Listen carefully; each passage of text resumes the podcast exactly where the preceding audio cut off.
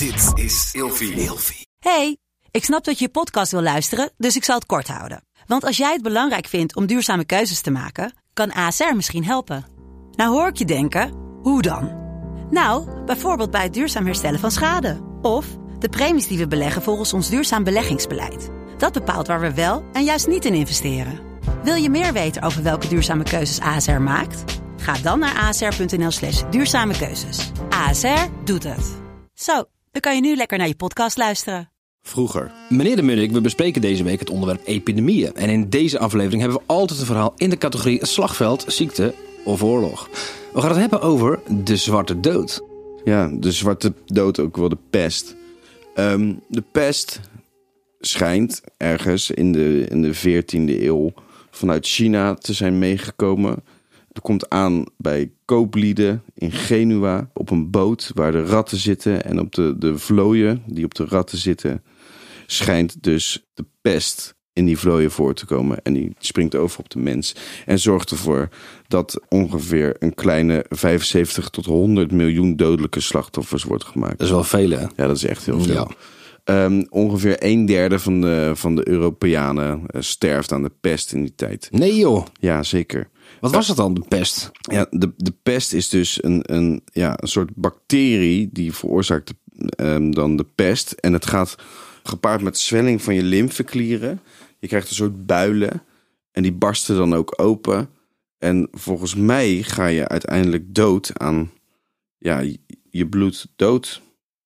Kijk, in die tijd waren ze natuurlijk super gelovig. Dus ze, ze dachten dat, eh, dat het een straf van God was. En ze konden er eigenlijk niet heel veel aan doen. En wat heel raar is, is dus dat... Je kent ook ken je die dokters uit die tijd met zo'n snavel bijvoorbeeld. Met Ja. zo'n pak. Ja. Ze probeerden dus er wat aan te doen. En dan in die snavel hangt een soort kruidenbundeltje. Ja. Zodat je niet ook de... Ja, als ze dachten dat het zuiverde. En zo ruik je natuurlijk ook niet alle, alle dood en verderf. Dat is ook beter, hè? Maar, ja, maar op een gegeven moment wat er dus gebeurde was dus dat de dokters die waren of dood. En sommigen hadden er gewoon geen zin meer in. Die vluchtten de stad uit. Oh nee joh, Ja, dus, dus vanwege de pest? ja, vanwege de pest. Oh. Dus, dus ze konden ook geen mensen meer behandelen. En het schijnt zelfs eh, koning Karel II van Engeland... die opende zelfs alle beerputten in de stad... om met de stank eh, de pest te proberen te verjagen. Ze, weet je, ze hadden er geen antwoord op. En om, omdat... Zij dachten dus van, we gaan allemaal ziek en we gaan gewoon heel veel stank genereren. Ja. Dan gaat een ziekte Ja, dan weg. gaat de ziekte Ben je helemaal ja. goed bij je hoofd? Die Eh, vlooien nee. gaan misschien weg. Ja, en wat er dus ge- ge- gebeurde is dat ehm, je, je kan de pest dus niet verklaren. Je denkt dat het een straf van God is. Nou, dan, dan moet je dus ja, een zondebok gaan zoeken. Ja. Nou, eh, noem eens een zondebok in de geschiedenis. Wat, wie, een, een bepaald volk wat altijd wordt gepest en of altijd wordt achterna gezeten. De joden? Ja, absoluut. Nee. Ja, ja, ja. Dus de, de Joden kregen de, de schuld van de pest.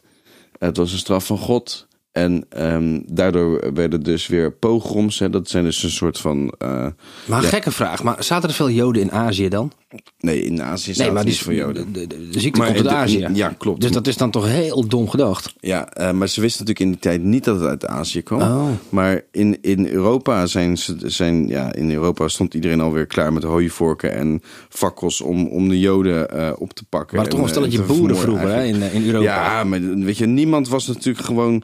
eh, ja, niemand had het. eh, was geleerd en, en geletterd, weet je wel. Dus eh, het, het kwam zelfs zo dat er in Frankrijk is er een arts gemarteld. En die heeft toen moeten bekennen dat de Joden een plan hadden om met de pest alle rijken uit te roeien. Om zo eh, aan wereldheerschappij te gaan doen. Wat raar, terwijl de joden altijd wel rijk waren en zijn. Ja, maar dat, dat komt gewoon door hun positie. Maar goed, de gedachte was Ja. er. En dat was natuurlijk weer een soort samenswering om de joden uit te roeien. Ja, dat is toch je- altijd iets wat terugkomt in de geschiedenis, hè? Ja, en wat wel, ehm, wat wel eigenlijk eh, een positief feitje is eh, van de zwarte dood, is, dat, is dus dat er een soort. Ja, dat er een uit, mensen worden uitgeroeid, maar dat geeft dus kans voor andere mensen. En zo zijn er dus in de sociale lagen. Zijn er bijvoorbeeld ambtenaren hebben veel meer kans gekregen om zich te ontwikkelen. Eh, adel stierf. En daardoor werden dus de gevestigde orde werd aangetast. En zo kon er een nieuwe orde opstaan. Het is wel weer ver gedacht. Maar goed, als we dan toch iets positiefs moeten bedenken. Dan is dat het. Tot morgen. Vroeger.